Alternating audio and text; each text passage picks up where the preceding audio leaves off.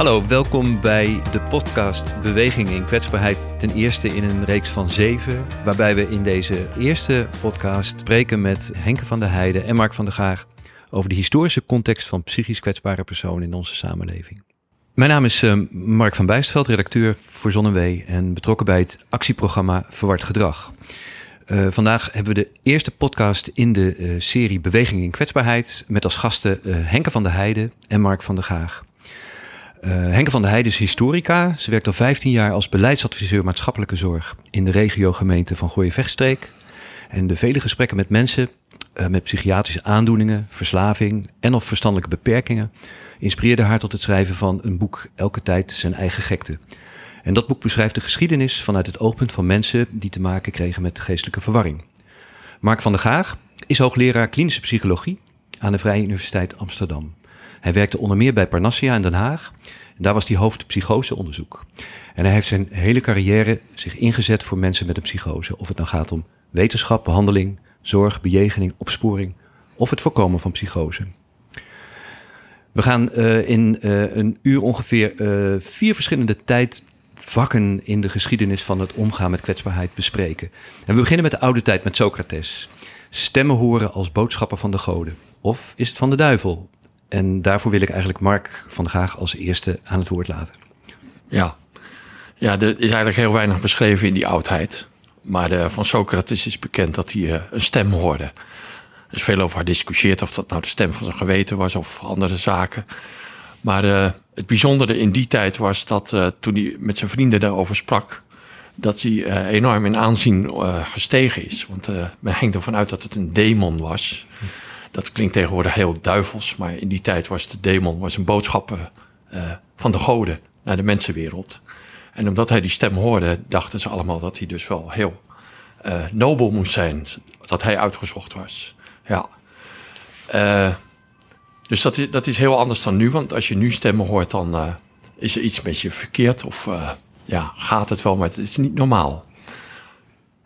eigenlijk is dat in die, in die vroege tijd zo gebleven dat dat toch meer in het kader stond van het supernatuurlijke, bovennatuurlijke. En uh, een heel interessante casus is Shana Dark.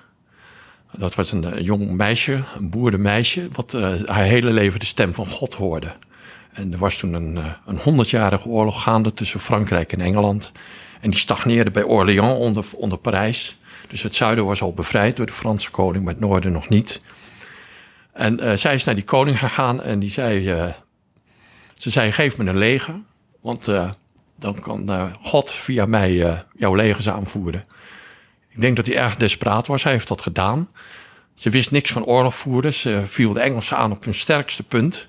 En dat was zo overrompelend dat ze die slag gewonnen heeft. En Frankrijk, zoals het er nu uitziet, is bij elkaar gevochten door Jeanne d'Arc.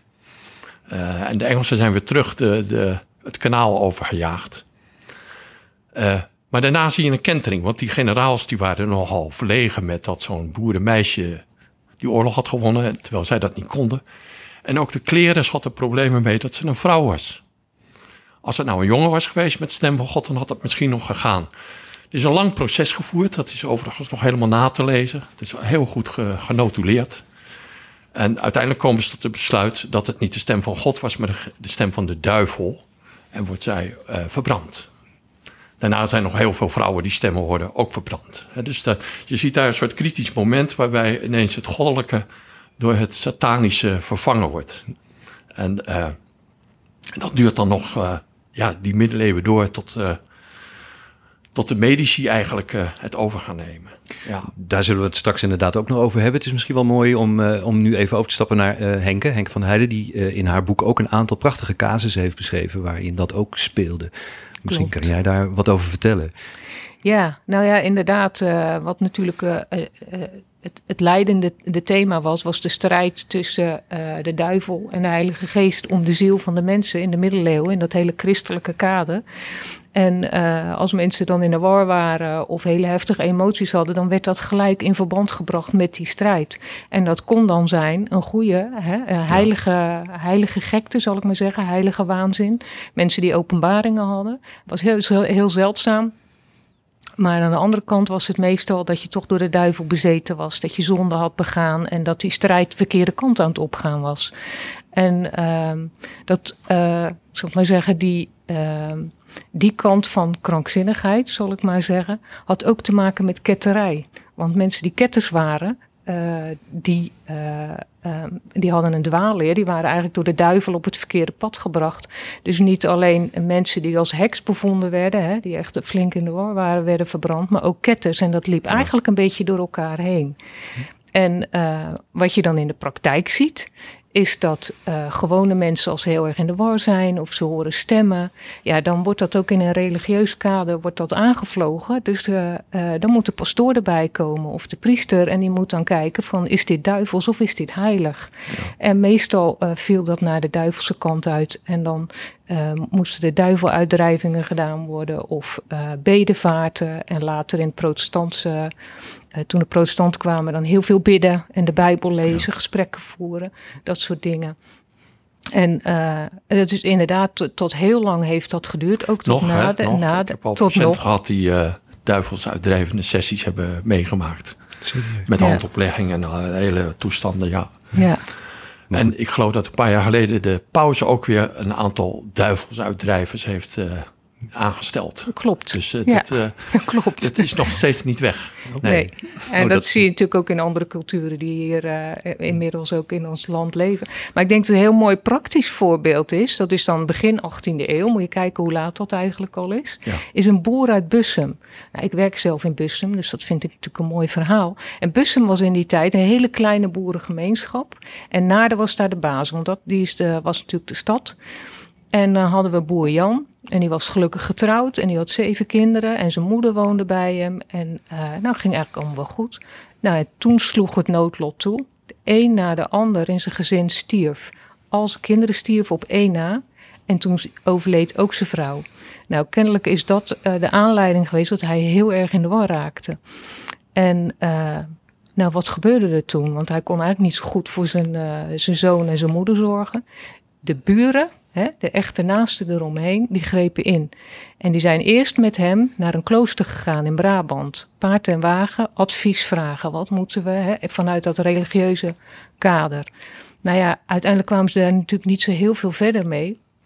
En het ging steeds slechter met Jan. En op een gegeven moment was hij zo in de war dat ze uh, zagen van nou dit is onhoudbaar. Nou, en wat deden ze dan in die tijd? Um, ze gingen eerst naar het stadsbestuur van de gemeente Naarden en vragen van goh, uh, hij, kan eigenlijk hier zo niet thuis blijven. Hij moet ergens onder toezicht, dus meer, min of meer gedwongen vastgezeten worden. Nou, geeft Naarden dan inderdaad toestemming voor. En dan gaan ze zoeken naar een goede plek voor hem. En uh, iedereen denkt gelijk aan Dolhuis. En het zou logisch zijn geweest dat hij naar Dolhuis van Utrecht of naar Amsterdam zou gaan. Uh, komt helemaal niet te sprake, want dat was echt de ultieme oplossing waar je alleen deed in de allergrootste uitzondering. Nee, ze gaan op zoek naar een goed gastgezin. Want dat kon je doen. Je kon ook een oppasser inhuren ja. in huis. En dan uh, zie je dus dat die vijf boeren die zich zo om hem bekommeren, ik vind het eigenlijk ook heel ontroerend, ja. met paard en wagen heel Utrecht doorkruisen, Noord-Holland, Zuid-Holland. Waar zit een goed gezin waar Jan dan opgenomen kan worden? Nou, die vinden ze dan in Beverwijk. Was in die tijd heel erg bekend om een uh, heel aantal gastgezinnen wat daar zat. Ze brengen hem ook weg. Ze zorgen dat hij nieuwe kleren meekrijgt. En al die tijd dat hij opgenomen was daar, zorgen zij voor die moeder en die zoon. En als het beter gaat, halen ze hem ook weer op. En dan onder toezicht, hè, zal ik maar zeggen, onder uh, uh, goede zorgen van de boeren, pakt hij zijn leven dan weer op. En dit is eigenlijk wel hoe het eigenlijk eeuwenlang gegaan is. Van mensen waren gewoon thuis. Ja. En, uh, en als het niet ging, dan keek je familie naar je om. En anders de andere mensen eromheen. En heel, heel uitzonderlijk was een opname in een dolhuis. Ja. En dat was natuurlijk geen pretje.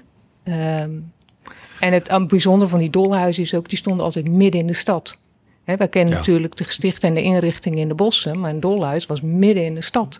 Ja. En was eigenlijk ook best nog wel verbonden met de stad. Er is recent een hele mooie dissertatie uitgekomen van een dame die heeft dat onderzocht. En dan zie je dat de mensen die in het dolhuis zaten, die denkt dat ze helemaal afgesloten van de, van de gemeenschap. Dat was niet zo. Nee. De familie kwam daar gewoon op bezoek. Die deed ook nog de was voor de patiënten.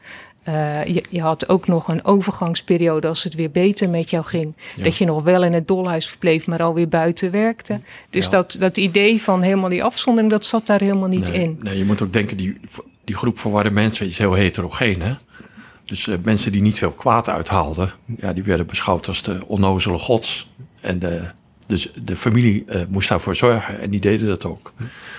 En dan, dan had je die groep die wat wat meer herrie maakte. En misschien ook, uh, de, de, die werden genoemd de dulle en de razende. Ja, dan moest je bovenop gaan zitten om ze in bedwang te houden. Maar, uh, en die kwamen dan in die uh, opvang terecht. Maar bijvoorbeeld in België heb je het stadje Geel. Ja. Daar is in 600 is daar de gezinsverpleging gestart. Dus dat, dat, dat is een klein stadje. En alle mensen die daar wonen hebben een psychiatrisch patiënt in het gezin. Dat is al vanaf de zesde eeuw. Het loopt nu heel hard terug, omdat uh, uh, je hebt nu twee verdieners. En dan kan je geen, uh, geen patiënten bij hebben. Dus dat loopt heel snel terug. Maar ja, het is al, al, die, al die stromen heb je door de eeuwen heen gehad. Van, dit, En dat is eigenlijk pas veranderd met de industriële revolutie. Dat de mensen echt apart gezet werden. En dus die oude dolhuizen, bijvoorbeeld Sint Joris stond midden in Delft. Willem Artshuizen stond midden in Utrecht. Uh, Reinier, hoe heet het daar, in, uh, in Den Bosch. En pas in die krankzinnige wet, 1841 geloof ik. 42. 42. Dan zie je dat uh, buiten de stad uh, die mensen verpleegd gaan worden.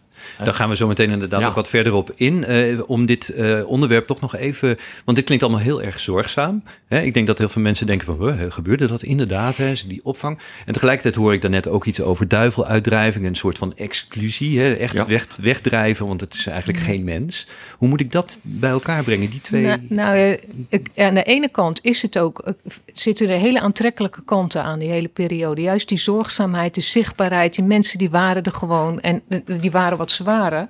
En, uh, um, maar er zit ook wel een andere kant aan, want ook altijd heeft daar een stigma op gezeten. En mensen werden niet, ja, je kan wel zeggen, uh, ze waren zoals ze waren, maar echt geaccepteerd. Want in die dolhuizen uh, bijvoorbeeld waren kijkdagen. En dan kon je ja. voor, tegen betaling, dan konden ze ook de kosten weer een beetje dekken. Kon je dan komen kijken naar die gekke dollen. En dat was gewoon vermaak. En ik heb ook een aantal casussen in mijn boek waar het helemaal niet zo lollig was. Ik bedoel, die Jan, die, die was onderdeel van een gemeenschap. En die had familie en die had die mensen om zich heen. Maar als je uh, dat niet had, uh, hè, ik heb iemand dan in Muiden, in de stad Muiden, in diezelfde tijd. En dat was eigenlijk, die zwerfde daar. Nee, dan was er niemand die naar je omkeek. En dan werd ze gewoon gepest en uitgejouwd. En uh, dan had je echt geen goed leven. Dus je hoeft niet te denken van, oh, dat was de goede oude tijd en toen was alles goed. En ook, weet je, die zorg thuis, uh, die was natuurlijk wel vaak heel moeizaam. Want mensen vonden het heel lastig om om te gaan met dat gedrag van mensen. En ja, dan weet je ook niet wat je moet doen. En dan, dan krijg je toch ook wel echt ontspoorde situaties. Hè, wat we nu ook nog wel eens zien in de mantelzorg. Uh, ja. Met mensen met dementie. Dat mensen dan thuis vastgebonden werden of mishandeld. Of, uh, dus het was niet allemaal roze geur en maneschijn. Maar het was wel fundamenteel anders dan nu. Ja. Dat mensen echt gewoon onderdeel waren van de gemeenschap en uh, uh, zichtbaar waren. En ja. dat men daar ook aan gewend was. Ja. Ik ben wel benieuwd wat er dan inderdaad in een periode daarna gaat uh, gebeuren. Want dat beschrijf je ook heel mooi in jouw boek.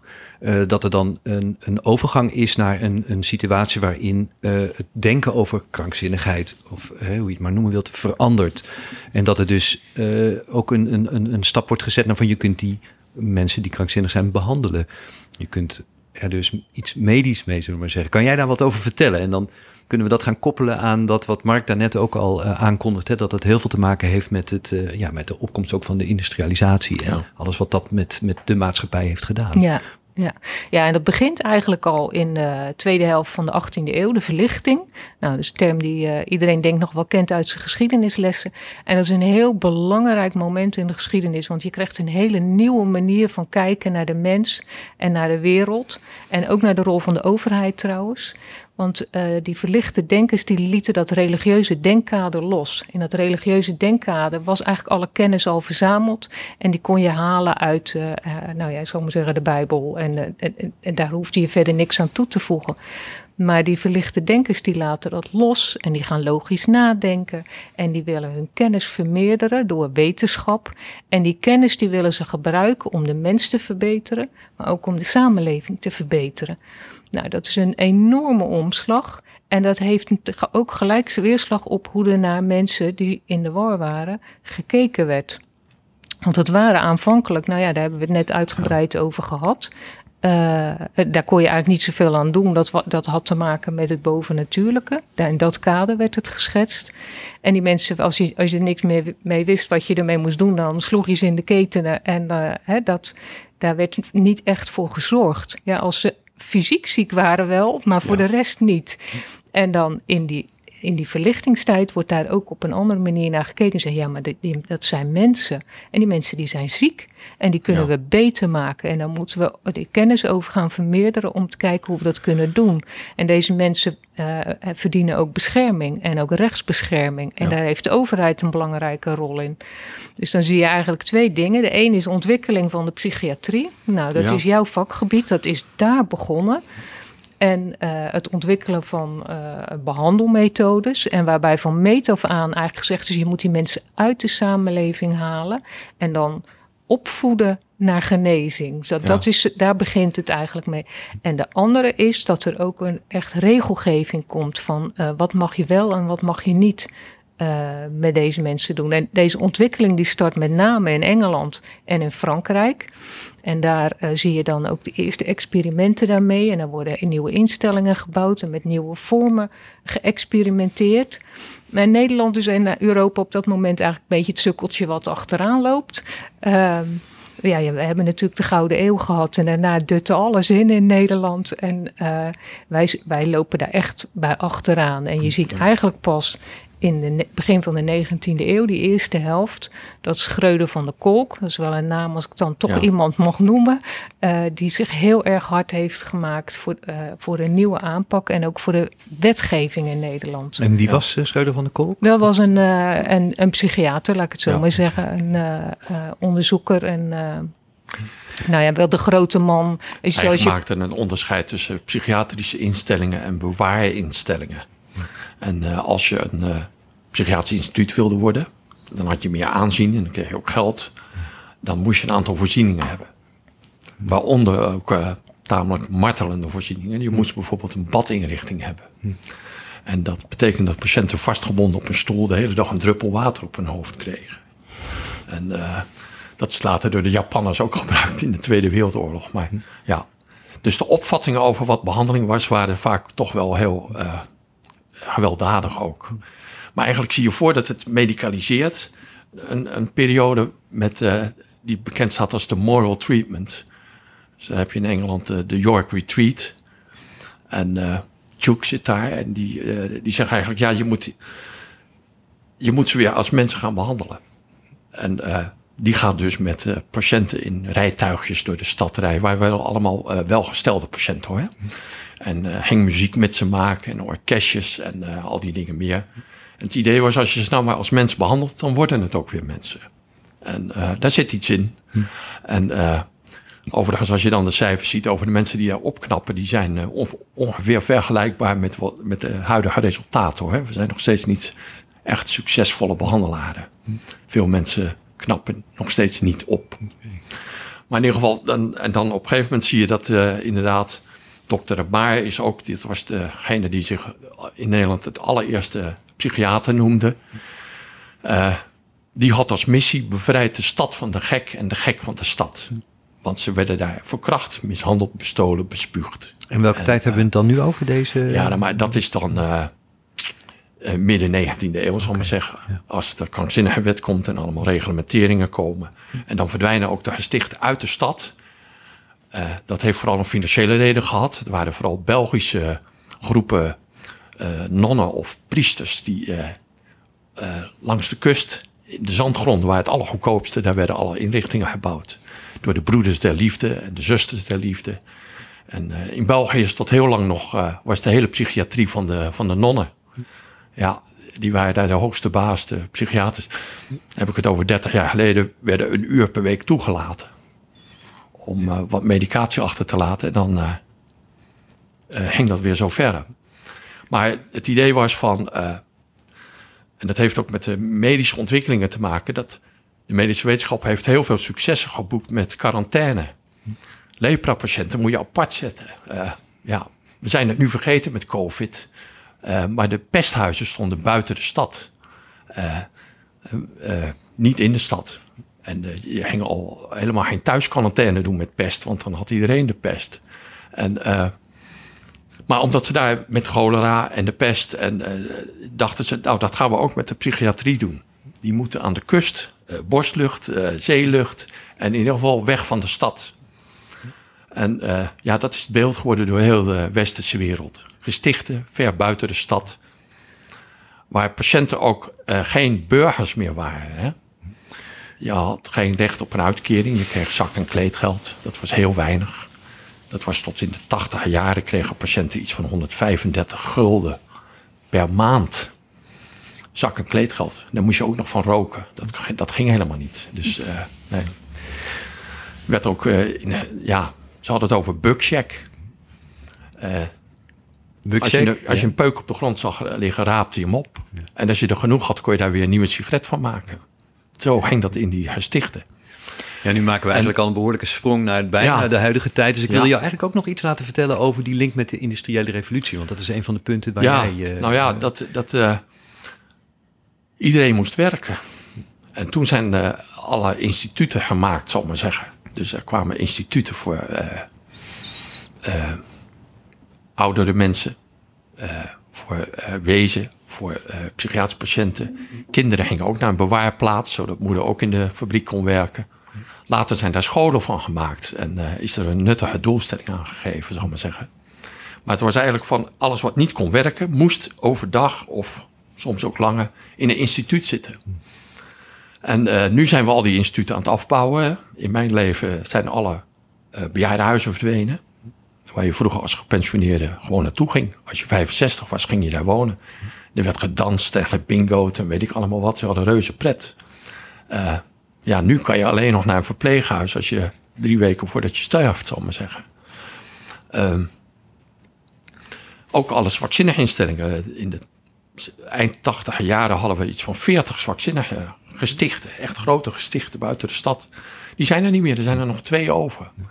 Uh, we hebben nu overal uh, gezinsvervangende tehuizen. Dus die mensen wonen gewoon in de straat. En uh, dat is allemaal goed gegaan.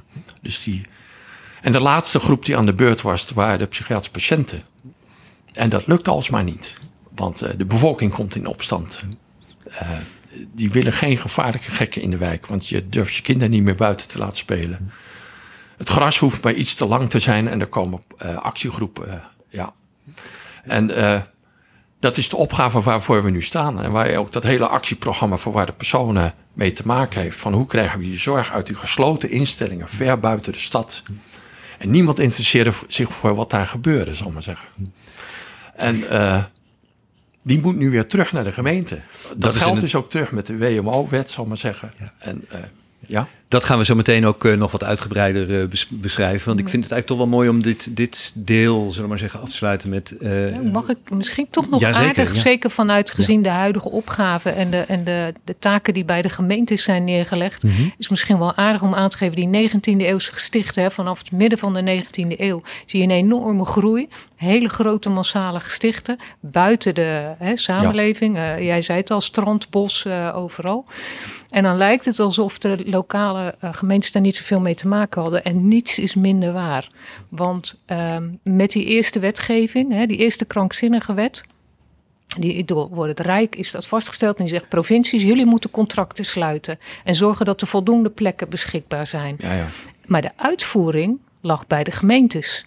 Want wat deden die? Die zorgden voor een rechtelijke machtiging. Die zorgden dat er een passende plek werd gezocht. Die zorgden grotendeels voor de financiering. Meer dan de helft van alle plekken werd betaald vanuit de armenwet.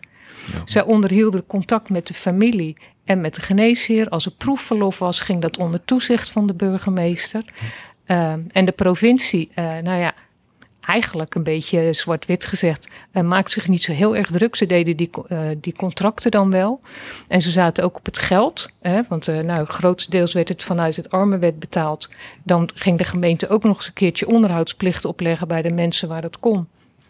En uh, mensen die van de hogere standen waren, die konden het dan zelf betalen. En dan was er nog een klein stukje wat dan door de provincie betaald wordt en een rijksbijdrage. Maar de provincie zei dan ook, ja, meer gemeente, je krijgt die bijdrage alleen als je in de uh, gestichte mensen plaatst die wij gecontracteerd hebben. En als wij ergens lagere tarieven hebben be, uh, bedongen, dan plaats je je mensen maar over. Want anders houden wij die bijdrage in. Hm. En de gemeentes, ja, die zaten echt wel, nou, dat klinkt bekend hè, dit. Ja, ja, ja. zaten uh, best wel financieel klem. Want dat waren hele dure opnames. Dus uh, die bijdrage hadden ze keihard nodig van de provincie. En wat je ook wel zag in die tijd, het is echt heel grappig als je in de archieven zit, dan lijkt het net alsof je in het nu zit. Woonplaatsgeschillen. Wie is hier verantwoordelijk? Ja. Is het de ene gemeente of is het de andere gemeente? En daar, nou, kwam ook allerlei jurisprudentie over. En uh, nou, ik herken het gewoon helemaal van waar wij nu eigenlijk mee zitten. Hè? Van je hebt een zwerver in de berm gevonden uh, in jouw gemeente en die moet opgenomen worden. Wie gaat er betalen? Waar komt die vandaan? Uh, nou ja, dit soort kwesties is eigenlijk niks nieuws onder de zon. En dit heeft heel lang geduurd totdat de AWBZ kwam. Nou ja, toen is eigenlijk dat allemaal bij de gemeentes weggehaald. En nou, krap 50 jaar later komt alles weer terug bij de gemeente en zijn we eigenlijk weer terug bij normaal. Ja. Ja. Feest de herkenning. Nou, dat is wel heel interessant om deze schetsen van jou ook nog te krijgen. Want ja. uh, dat, ik denk dat weinig mensen dat echt zullen uh, weten dat dit zo uh, gewerkt heeft. Ja. We gaan daar ook natuurlijk nog weer wat op verder. Hè, van waar staan we nu en wat gaan we, waar moeten we eigenlijk naartoe? Ik vind het om, om dit, dit hele verhaal over die verandering van krankzinnigheid als iets wat je kunt behandelen, nog wat, wat verder uit te diepen. Toch nog wel interessant om even gewoon de simpele vraag te stellen: hebben we het hier nou over zorgen, behandelen of gaat het hier over disciplineren? Dat is natuurlijk een van de dingen die met name Michel Foucault, de Frans filosoof, heel erg heeft uitgewerkt in zijn theorie. Ja, dat mensen categoriseren, diagnosticeren ook een manier is om ze te disciplineren. En ja. dus mensen. Ja. Kunnen jullie daar nog iets over vertellen? Uh, nou ja. Wie gaat er toen, eerst? Toen ik begon, uh, was in 1979 in Endegeest. Dat was het uh, gesticht van uh, gemeente Leiden, maar dat stond in Oesgeest. Dat hangt daar tegenaan. Uh, s om half negen ging de fluit. En dan gingen op alle paviljoens de deuren open. En dan kwam er een verpleegkundige naar buiten. Daarachter liepen de patiënten in rotten van twee. En achteraan liep weer een verpleegkundige om te zorgen dat niemand er tussenuit piepte. En dan liepen ze naar de therapieën. En uh, dat gebeurde zeer gedisciplineerd, zal ik maar zeggen. En uh, om half twaalf ging dan weer de fluit. En dan kwamen ze weer allemaal teruggemarcheerd naar de paviljoens om warm te eten. Verplicht te roken. Je mocht pas van tafel als iedereen klaar was met roken. Uh, ja, patiënten beheerden ook niet hun rookwaar, want dan zouden ze te veel gaan roken. Dus op hadden pleisters geplakt op die pakjes check van Piet en Jan. En dan kreeg je na het eten je tabak en dan mocht je een checkje draaien. En dan, als iedereen klaar was met roken, dan mocht je van tafel. En dan gingen ze daarna smiddags weer naar die therapieën. Die therapieën waren toen nog wel nuttig, want die, uh, ja, die financiering kwam uit de armenzorg. Maar het waren ook een soort totaalinstituten. Dus uh, verbouwden hun eigen groenten. Die werden schoongemaakt. Die werd gekookt door de patiënten. Die werd afgewassen door patiënten. Er was een, uh, een stomerij waar de kleding gewassen werd. We hadden een boekbinderij om alle wetenschappelijke tijdschriften te, te binden. En er waren kassen om voor planten te zorgen op de afdelingen. Dus het was een kleine mini-samenleving waar ook heel veel. Ja. Op een gegeven moment besloot de regering: dit is onbetaalde arbeid, dat mag niet. En toen is wat vrijer geworden werd therapie niet meer helemaal verplicht. Maar ja, je moest dan wel poppetjes tekenen. Ik, uh, die protest heb ik wel gehad van patiënten. Maar ik kan toch niet 36 uur per week poppetjes gaan tekenen op zo'n therapie. Maar ook ouders die langskwamen van... Uh, hoeft Jan nu niet meer te macrameën... want ons hele huis hangt vol en dat van de familieleden ook. Uh, dus, en nog zeggen patiënten van... waarom kan ik niet iets nuttigs doen? ik hoef, als, ik dan, als er dan geen geld is, dan hoef ik niet betaald te worden, maar als, als het maar nuttig is. En dat, ja, dat is ook toen als het ware verdwenen in een soort rare gedachtenspinning dat, uh, dat het slavenarbeid was. Maar het werd ervaren als nuttig. Maar het was wel helemaal ja, in een soort ja, discipline. Ja, oké, okay, maar dat is zeg maar dus de feitelijke disciplinering in de zin van, van hè, dat je mensen, zullen we maar zeggen, uh, in hun gedrag heel sterk ja. stuurt. Maar er zit ook natuurlijk een soort uh, min of meer filosofische uh, idee van disciplinering. Ik weet niet of jij daar wat over wil zeggen. Nou ja, of... wat, je, wat, je, wat je vooral ziet in de 19e eeuw, dan ga ik daar toch eventjes nog naar terug, waar we ja. het nog over hadden, is dat je ziet van wie, wie worden daar nou opgenomen. Want je denkt van dat zijn psychiatrische instellingen zoals we die nu kennen, maar dat was natuurlijk niet zo. Daar werd van alles en nog wat opgenomen.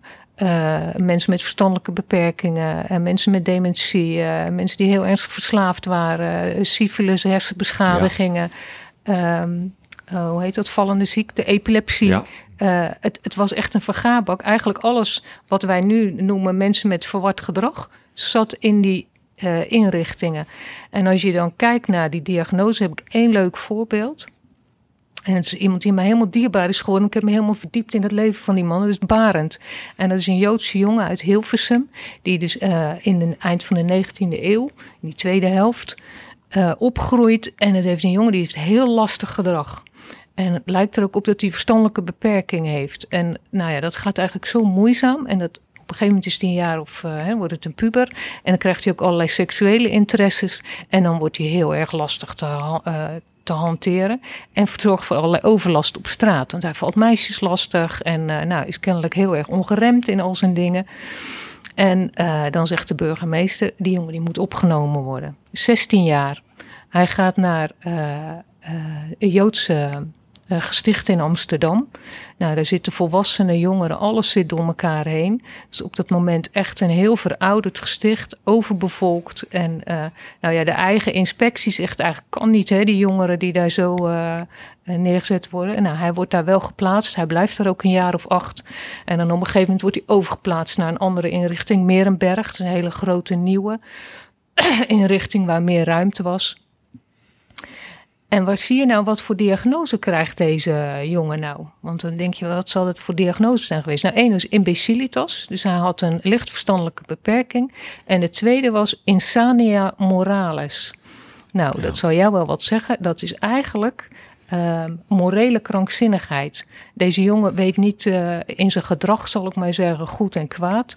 En uh, symptomen van insania moralis zijn eigenlijk onwenselijk gedrag. Dus mensen die alcoholist zijn, die uh, perverse neigingen hebben, dat soort dingen. En daarin zie je al ehm, dat er in die diagnoses, in die instellingen, ook iets zit van niet wat wij nu ziek zouden noemen, maar gedrag wat heel erg ongewenst is in de samenleving. En dan gaan we die mensen in een grote instelling zetten en dan gaan we zorgen dat ze daar uh, van opknappen en dan kunnen ze weer terug. Alleen in de praktijk uh, ja, waren een heleboel mensen natuurlijk chronisch. Want deze jongen die bleef natuurlijk dat gedrag houden en die was ook verstandelijk beperkt en kennelijk heel erg ontremd. En als je kijkt naar zijn leven, hij heeft zijn leven lang in inrichtingen gezeten. En dat is natuurlijk de keerzijde geweest van die, van die grote instellingen. En dat is in dezelfde tijd. Die 19e eeuw met de industrialisatie is echt gewoon hele grote sociale problemen, enorme armoede. Er werd onvoorstelbaar veel gedronken. Um, en dat leverde allerlei problemen in de samenleving op waar men oplossingen voor zocht. En een deel zat in die gestichten. En de andere in uh, van die uh, strafkolonies als Veenhuizen. Het lijkt heel erg op elkaar. En dat is natuurlijk wel ook wat daar gebeurd is. Van, hè, van uh, nou ja, alles wat ongewenst is, dat gaan we ergens afzonderlijk in afzonderlijke gemeenschappen zetten. En dat moet opgevoed worden. Dat moet opgelost worden. En anders kan je niet in de samenleving. En dat is op een gegeven moment dus heel duidelijk ook ook vanuit de psychiatrie en de psychologie zelf natuurlijk hè, uh, gekanteld. En de cliëntenbeweging neem ik aan. Hè. Dus er is een soort emancipatie ontstaan. Misschien kun je daar wat over vertellen. Want daar heb je ook het een en ander over opgeschreven. Uh, ja, nou je ziet eerst de scheiding van de zorg. Dat is al in het begin van de 20e eeuw. Want dan komen ze er ook achter van... hé, hey, er zijn mensen ongeneeslijk of die hebben andere dingen. Hè. Die, die hele zorg die ontwikkelt zich. Ik ben ook helemaal geen expert daarop. Uh, maar je ziet dan de scheiding van de zorg. Mensen met verstandelijke beperkingen, dementie. Dat wordt allemaal apart. En um, nou ja, die zeggenschap in die, stichten, in die grote gestichten van mensen zelf was natuurlijk minimaal. En zeker onder die oude wetgeving, je werd opgenomen met een best wel criterium. Anderen bepaalden dat het goed was dat jij opgenomen werd, niet omdat jij gevaarlijk was. Dat is pas veel later gekomen in de jaren tachtig. Ja.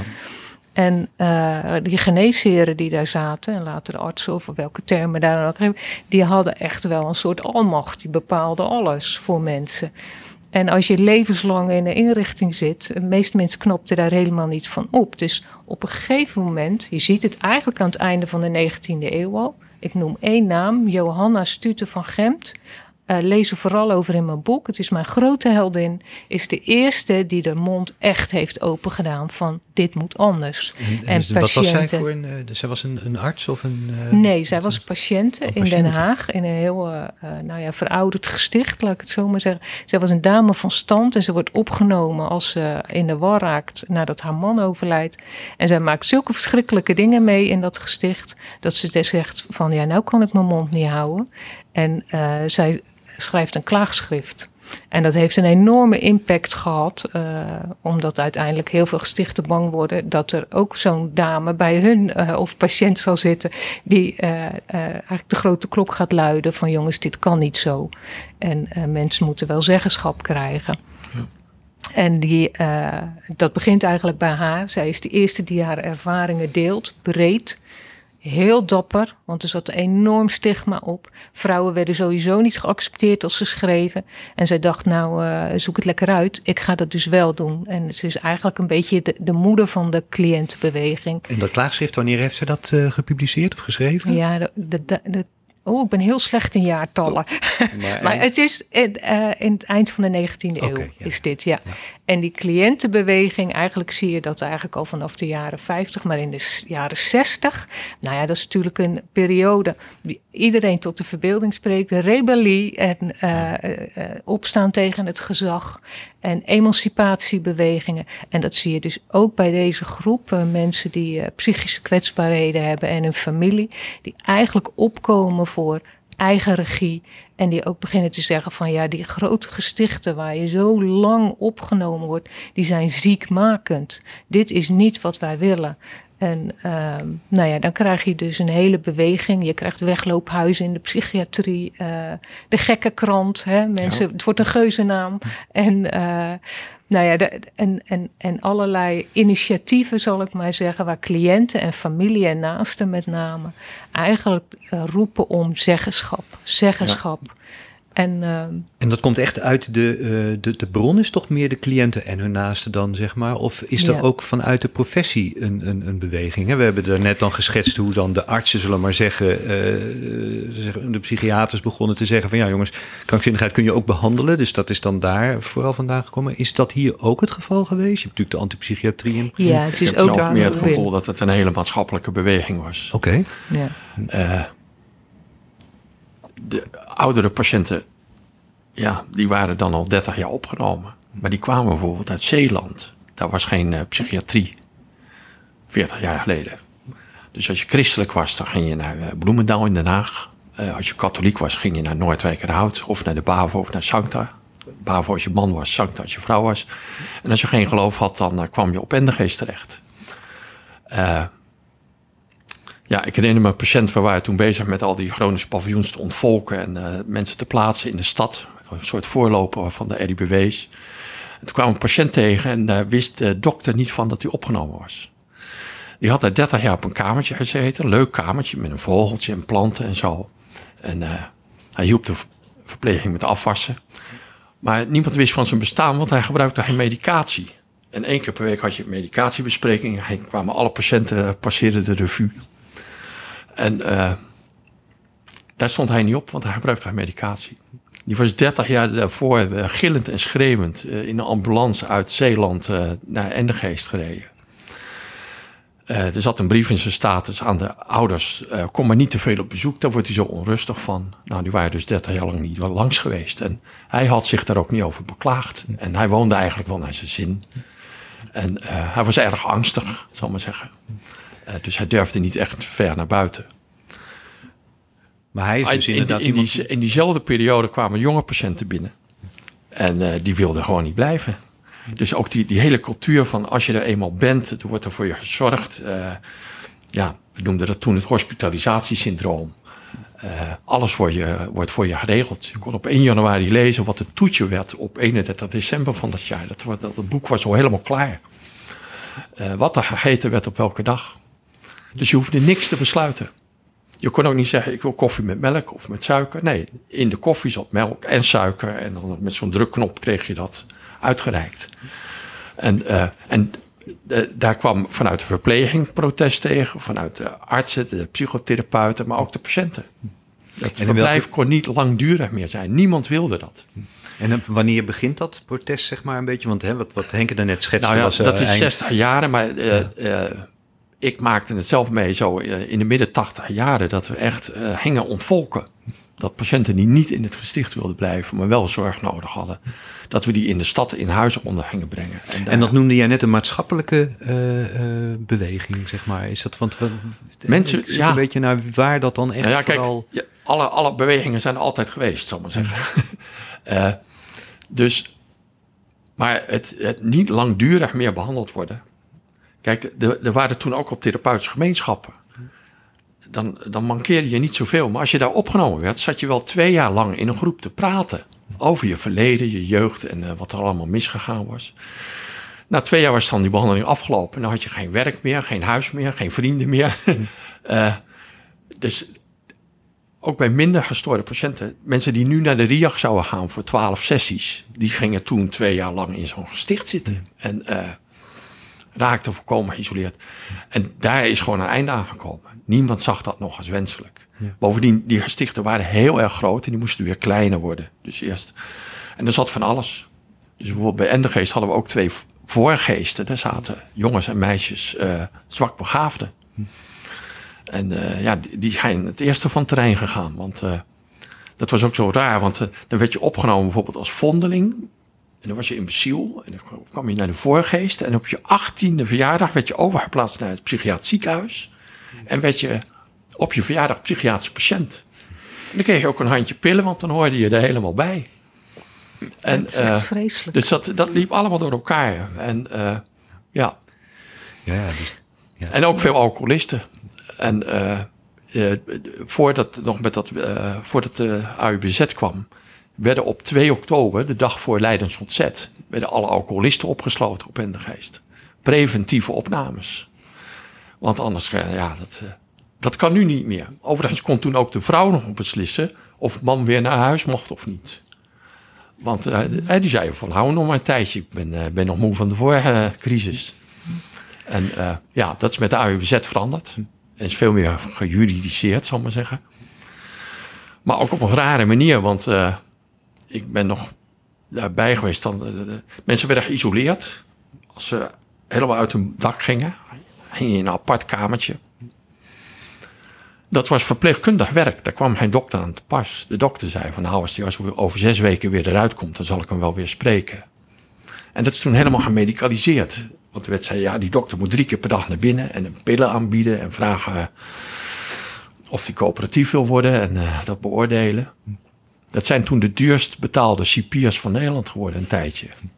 En eh, maar nu zitten we dus eigenlijk nog steeds in, de, in, in zullen we maar zeggen, het gesticht of de inrichting, zullen we maar zeggen. Maar we gaan er eigenlijk op een gegeven moment Ja. een soort van Uit. Ja, je ziet, ja, je ziet het ja. echt, echt die, die hele beweging in de jaren zestig toch starten. Zowel bij de cliënt en de familie als in de zorg zelf.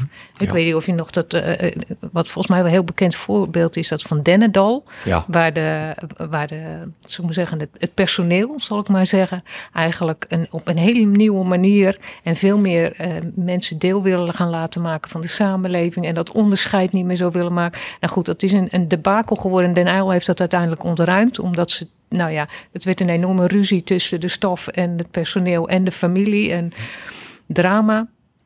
Maar je ziet dus ook dat het niet alleen de cliënt en de familie zijn, maar dat ook in de zorg die, die ideeën daarover eh, veranderen. En dat behandelen in de samenleving eigenlijk de nieuwe trend wordt. En eh, ook die zeggenschap van patiënten zelf en familie en naasten krijgt ook steeds meer plek. En op een gegeven moment komt daar ook wetgeving voor. En ik, ik vind eigenlijk, als je kijkt naar de geschiedenis, dat dat nog heel lang geduurd heeft. Die, die tweede krankzinnige wet, hè, die heeft meer dan 100 jaar gegeld met dat Ja. bestwilcriterium erin. En dan zie je pas in begin jaren 80 dat de BOPZ komt. En dat voor het eerst eigenlijk goed geregeld wordt. Nee, alleen als er een gevaarscriterium is, kan je iemand gedwongen opnemen. Nou, dat is natuurlijk een enorme omwenteling waarin mensen meer zeggenschap krijgen. En dat is onder invloed van eh, vertegenwoordigers van cliënten en familie. Want die gingen voor het eerst meepraten over wetgeving. Dat was ook hartstikke nieuw. En dan krijg je ook die, die cliëntenraden, bewonersraden. eh, en op een gegeven moment ook de verplichting daarvoor. Maar dat is ook, heeft gewoon nog heel lang geduurd voordat dat wettelijk Ja. verplicht werd. En uiteindelijk in het beleid, zal ik maar zeggen, zie je ook vanaf de jaren tachtig echt die afbouw van het aantal plekken. En nou ja, wat uiteindelijk ook uh, uh, uitkomt in de grote decentralisaties hè, van 2015, afschaffing van de AWBZ en gezegd gemeentes, pakken jullie ook je rol. De samenleving moet dit, uh, dit is niet geen, een zorgprobleem, dit is iets van de hele samenleving. Die samenleving die moet ingericht worden op deze mensen. Die moeten gewoon mee kunnen doen en als ze behandeling nodig hebben, dan in de samenleving. Maar ze moeten ook hun leven kunnen leiden daar. Nou ja, en dan zie je dus ook dat er vanuit de cliëntenbeweging en de familie en naast de organisaties ook allerlei initiatieven worden ontplooid om die beweging te ondersteunen. Er komen nieuwe vormen van wonen, begeleid wonen, beschermd wonen. Is eigenlijk gestart in de jaren tachtig van uh, de vorige eeuw. En uh, eigenlijk is het toen eigenlijk nog best wel heel snel gegaan. Ook als je kijkt naar de afgelopen 40 jaar, welke beweging er is gemaakt. Ja. En uh, ja, de, de, de, de, die emancipatie die heeft zich eigenlijk steeds meer doorgezet. En ehm, wat, wat, ik daar eh, als het wel een hele frappante van vind, is je ziet die emancipatiebeweging van vrouwen en van homo's, maar dus ook van uh, psychiatrisch patiënten. En dat een heleboel van die uh, patiënten ook zeggen van ja, homo's stuur je niet meer naar de dokter, maar mij dus ook niet meer. En dat ook dat helemaal van dat medische model af willen. En zeggen van nou ja, ik ben niet ziek, ik heb een sociaal probleem. En dat is natuurlijk een heel andere benadering. En dat voelt voor die mensen ook heel anders. Dus daar, uh, nou, dat zijn ja. de grote ja. ontwikkelingen die dan gaande zijn. En die eigenlijk nu uitmonden in de herstelbeweging. Nou, je maakt een prachtig bruggetje, want dat is inderdaad waar we nu natuurlijk middenin zitten. En waar ook het programma natuurlijk veel aandacht voor heeft. Hè, eh, waar we deze podcastserie ook in maken. Maar het gaat ook niet allemaal zonder slag en stoot. Hè. Dat, in het begin heb jij daar ook wat over gezegd. Ja. Hè. Als het gras niet gemaaid wordt, dan komt de buurt in opstand, om het even kort samen te vatten. Ja. Um, het is een prachtige beweging, een emancipatiebeweging. Maar het is ook een soort van strijd, lijkt het bijna ook. Oh ja, Hoe komt, moet ik dat zien? Uh, die, die verwarde persoon bestaat dus eigenlijk niet. Hè. We hebben het al eerder genoemd. Er zit van alles tussen. Van... Uh, gewoon uh, asociale zuiplappen tot mensen die behoorlijk ziek zijn, tot uh, zwakbegaafden. En uh, dat is ook de discussie, hè, want de verwarde personen, dat waren mensen met een E311-melding bij de politie. En dat, dat was een melding die kreeg iedereen als er niet ingegrepen hoefde te worden.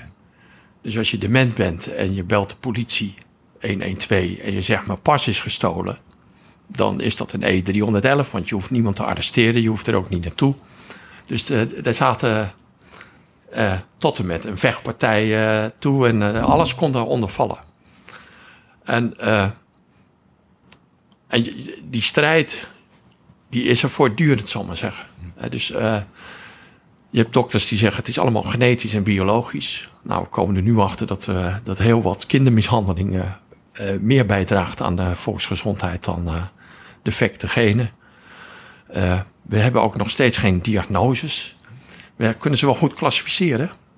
Maar uh, iets is pas een medische diagnose als je het kan vaststellen aan de hand van bloed, poep, sputum, EEG. Uh, ja, en voor geen enkele van de 500 psychiatrische stoornissen die we nu hebben, hè, we zijn van, van 5 naar 500 gegaan in de loop der eeuwen, hebben we een biologisch substraat. Hè. Dus het is, en die discussie blijft ook maar gaan. Hè. Je hebt natuurlijk Querido uh, in uh, Amsterdam gehad in het begin van de vorige eeuw, twintig jaren.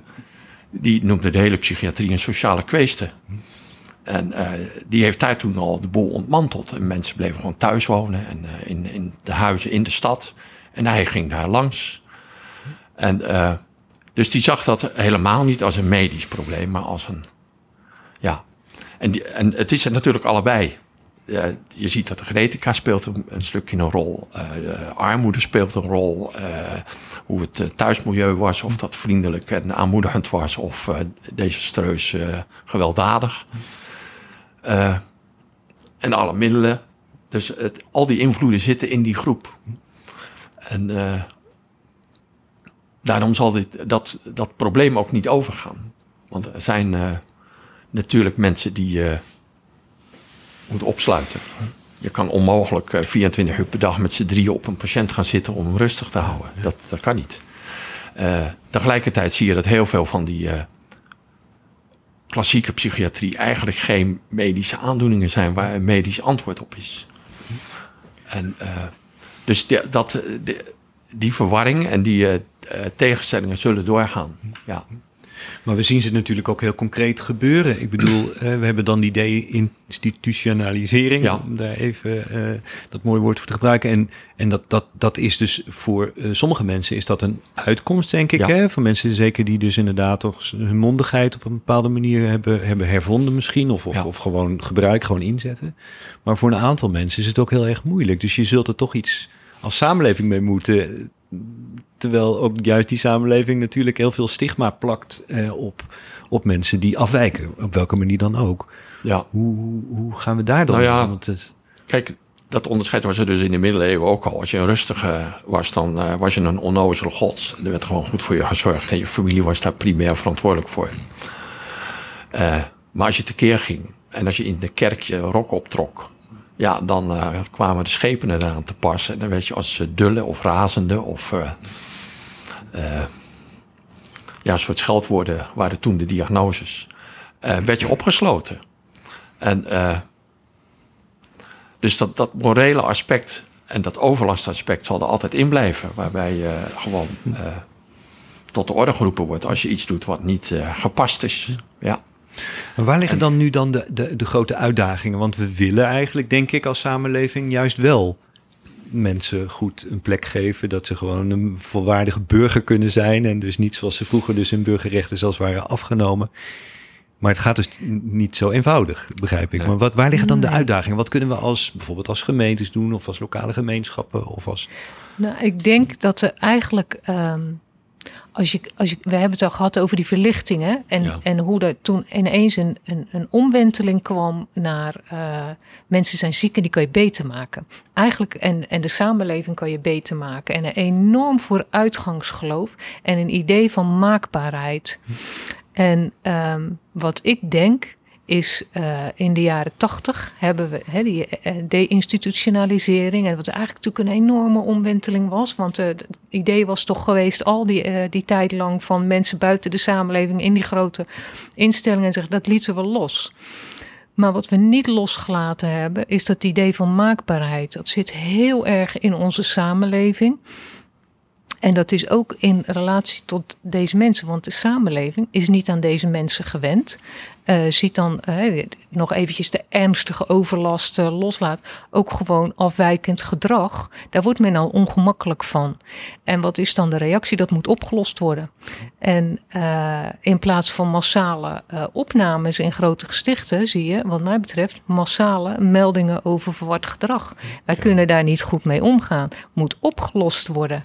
En um, dat is toch ook vanuit een maakbaarheidsidee dat alles op te lossen is. En dat is niet zo.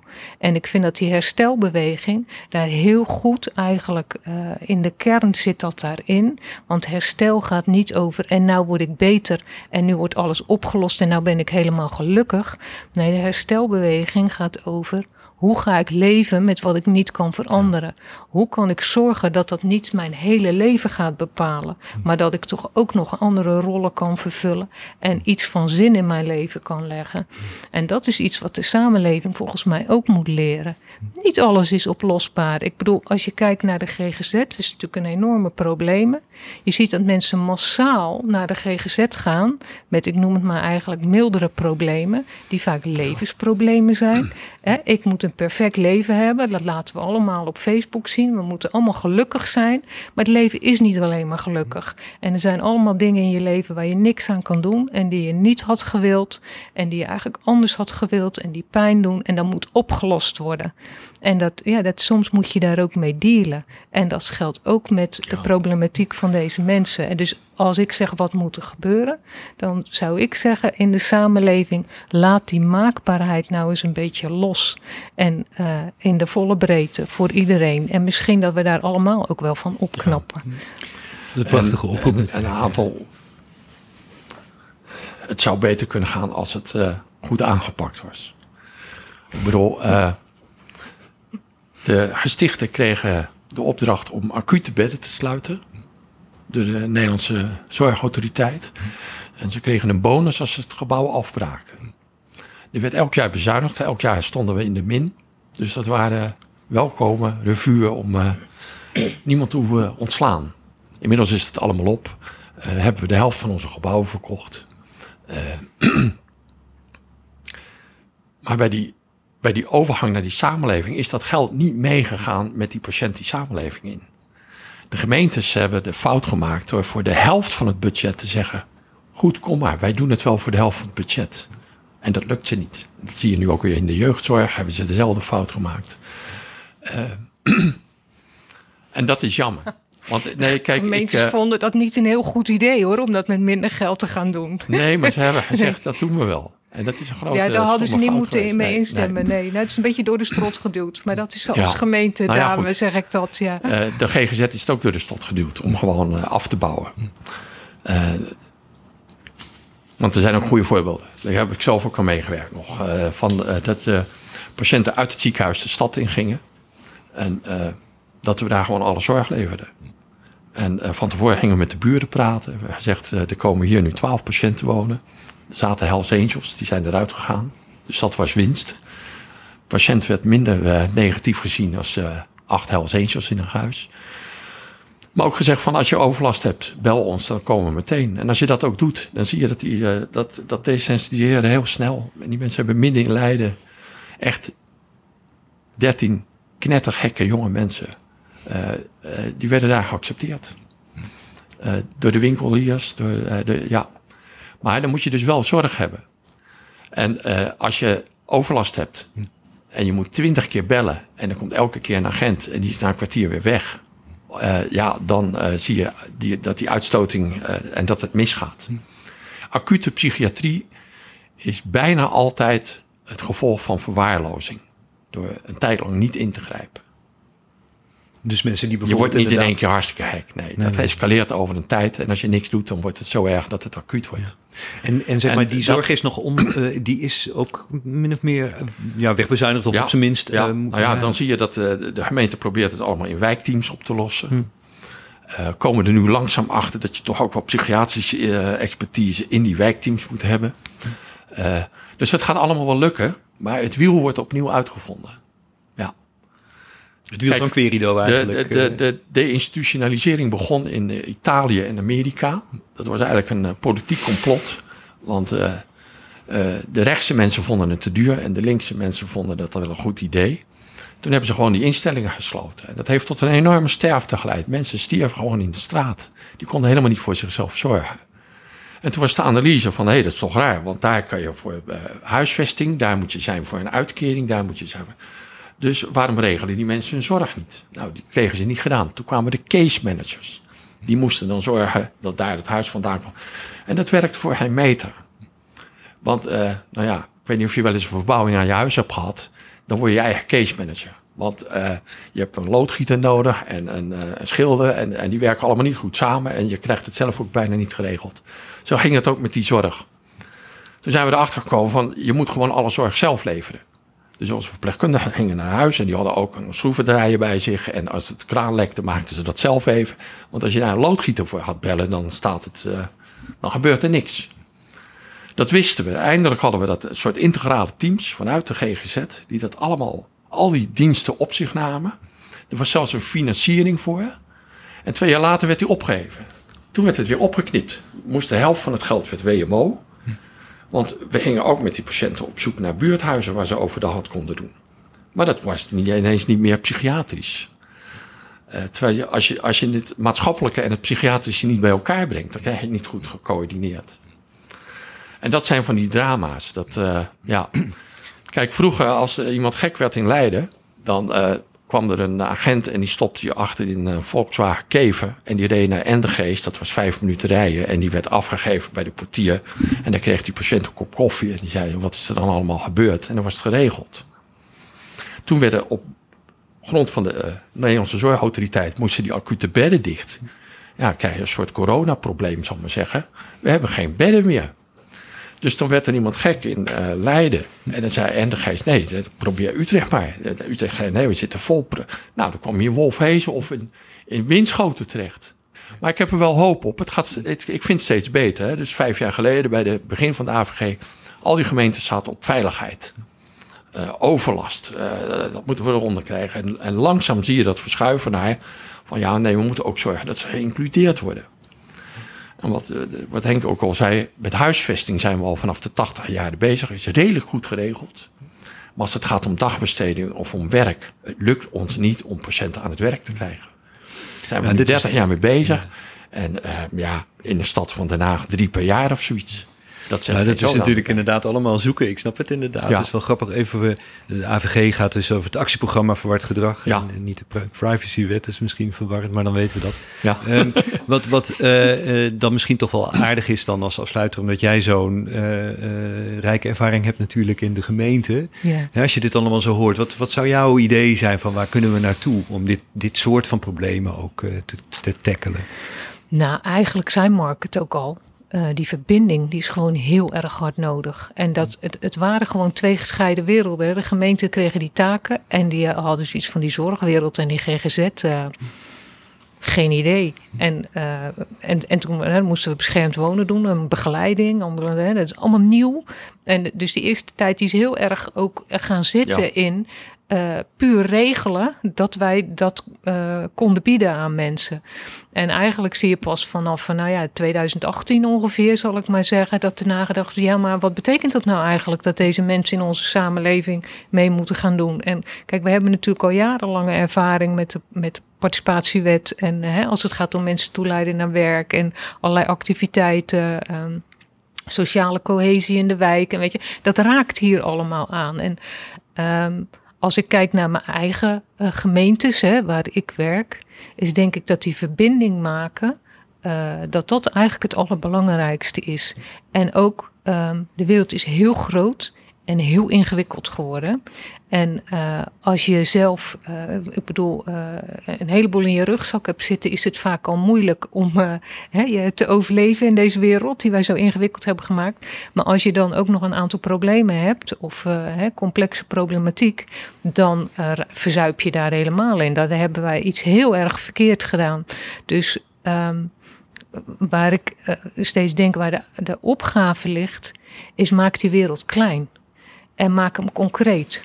En uh, zodat mensen de, de weg kunnen vinden. En zorg ook dat je in die kleine concrete wereld uh, de verbindingen legt. Tussen mensen onderling, maar ook tussen die professionals. Hè, die ja. mensen uit de zorg, uit de GGZ. Ik ben ontzettend blij dat wij nu welzijnswerkers hebben die samenwerken met vakteams en met uh, begeleiders. En, uh, en, en dat is ook heel erg nodig. Maar je moet dat niet heel groot maken. Je moet dat echt heel praktisch maken. En ik zit dus ook veel liever aan tafel met professionals dan met de managers en met de directies en met de bestuurders. Sorry. Um, maar er wordt ontzettend veel gekletst en er worden allemaal mooie visies en weet ik het allemaal. En dan, uiteindelijk zijn er ook nog organisatiebelangen. Maar die professionals en die vrijwilligers en die ervaringsdeskundigen, die voelen heel goed waar het om gaat. Ja. En die, die, die moet je hebben en op dat niveau moet je werken en niet in dat grote. En um, ja, en dan denk ik ook, en dan, dat is de ene kant. En de andere kant is die samenleving. Al die mensen die, uh, uh, die ook samen moeten gaan leven met mensen. En die vaak geen handvaten hebben en die het niet goed begrijpen. En daarvan, he, dat gedrag van iemand die bij jou in de straat komt, dat vind je heel snel eng.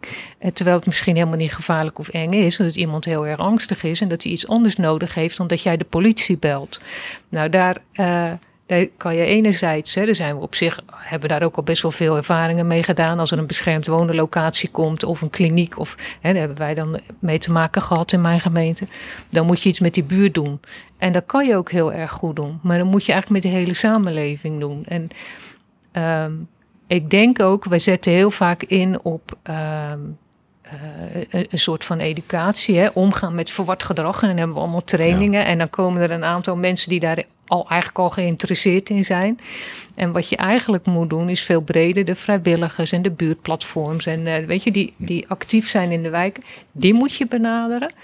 En aan de andere kant de gewone mensen, laat ik het zo maar eventjes noemen, die moet je eigenlijk betrekken door niet door van uh, jij moet leren hoe je daarmee om moet gaan, want dat is goed voor je. Maar je moet ze eigenlijk pakken, dat denk ik, dit is mijn persoonlijke mening hoor, pakken op waar hun belang ligt en waar hun interesse ligt. En uh, kijk, wij willen heel vaak sociale cohesie. Dat is echt zo'n opgave voor de gemeentes. Ik, mijn, uh, mijn stokpaardje is eigenlijk altijd van... nou, zeg dat je in een buurt een paar bomen om gaat hakken... moet je eens kijken hoe snel die mensen elkaar ja. weten te vinden. Dat is... Uh, en dat geldt ook voor... nou, ik zal één leuk voorbeeld geven. Ja, ik, ik, ik ga altijd alle kanten op in de gemeente. Dat is hartstikke leuk. dierenwelzijn komt nogal eens voor dat dieren uh, gedwongen afgestaan moeten worden, omdat mensen niet goed voor kunnen zorgen. En heel vaak zijn dat mensen met problemen. Dus wij hebben in samenwerking met de dierenbescherming om dat te voorkomen. En dan moet je horen wat, wat voor een leuk effect dat heeft. Uh, ze hebben dierenbuddies hebben we bedacht. Welzijn en dierenbescherming werken samen.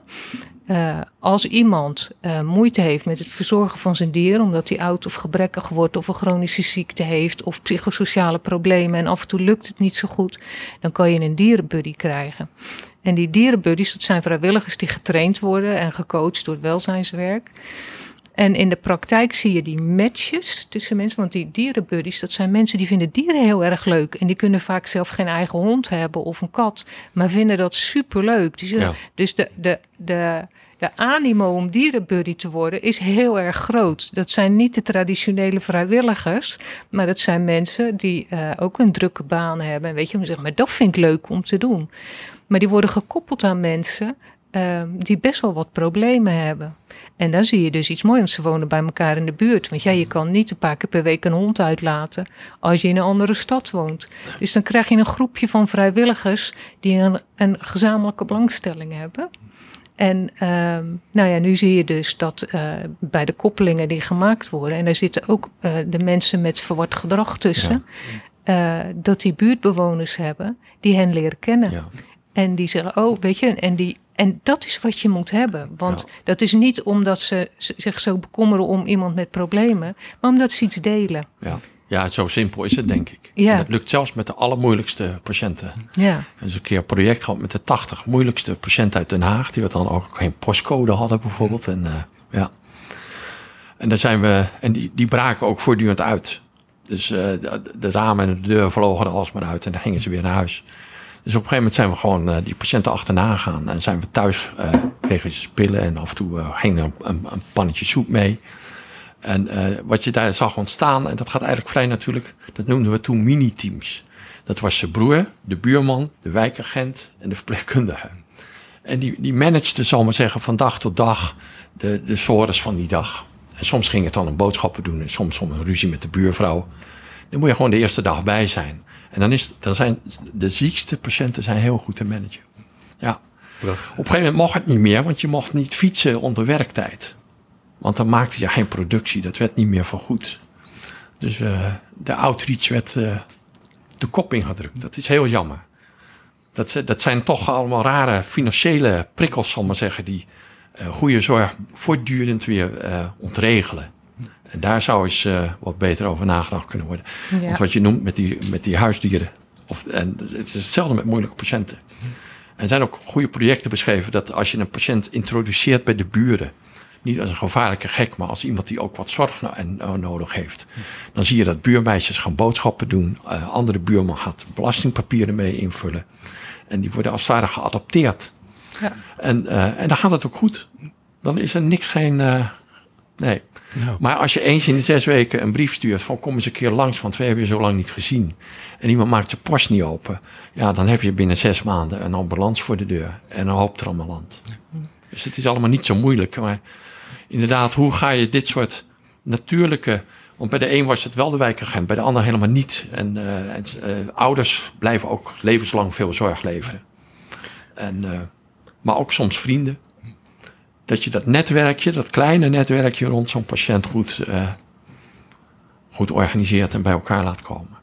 Dat zijn mooie ja, lessen, denk ik, uh, voor uh, de, de, ja, de hele reeks van live shows die er nu gaan komen. Ja. We hebben, denk ik, in deze, dit gesprek tussen jullie een paar schitterende voorbeelden uit de hele oude tijd. Het begon bij Socrates, maar dan Hè, de, dingen, de manier waarop we daar als samenleving mee omgaan. En dat eindigt eigenlijk nu met een paar voorbeelden die dus nu gewoon, as we speak, uh, bezig zijn. Zoals met, je, met de buddies waar je het over had, de dierenbuddies. Um, ik zou zeggen, uh, de mensen van de, de live shows, neem deze lessen mee en bespreek ze met elkaar. Om te kijken hoe we er eigenlijk als samenleving mee verder kunnen gaan. Zodat we die beweging in kwetsbaarheid kunnen, zoals de titel van die live shows is, verder kunnen brengen. Ik dank jullie wel. Graag gedaan. Ja.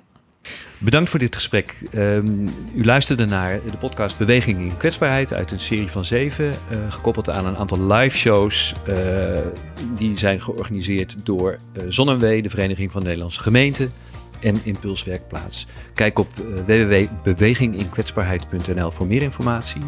De techniek was in handen van Jonne Serize en ik ben Mark van Meisterveld.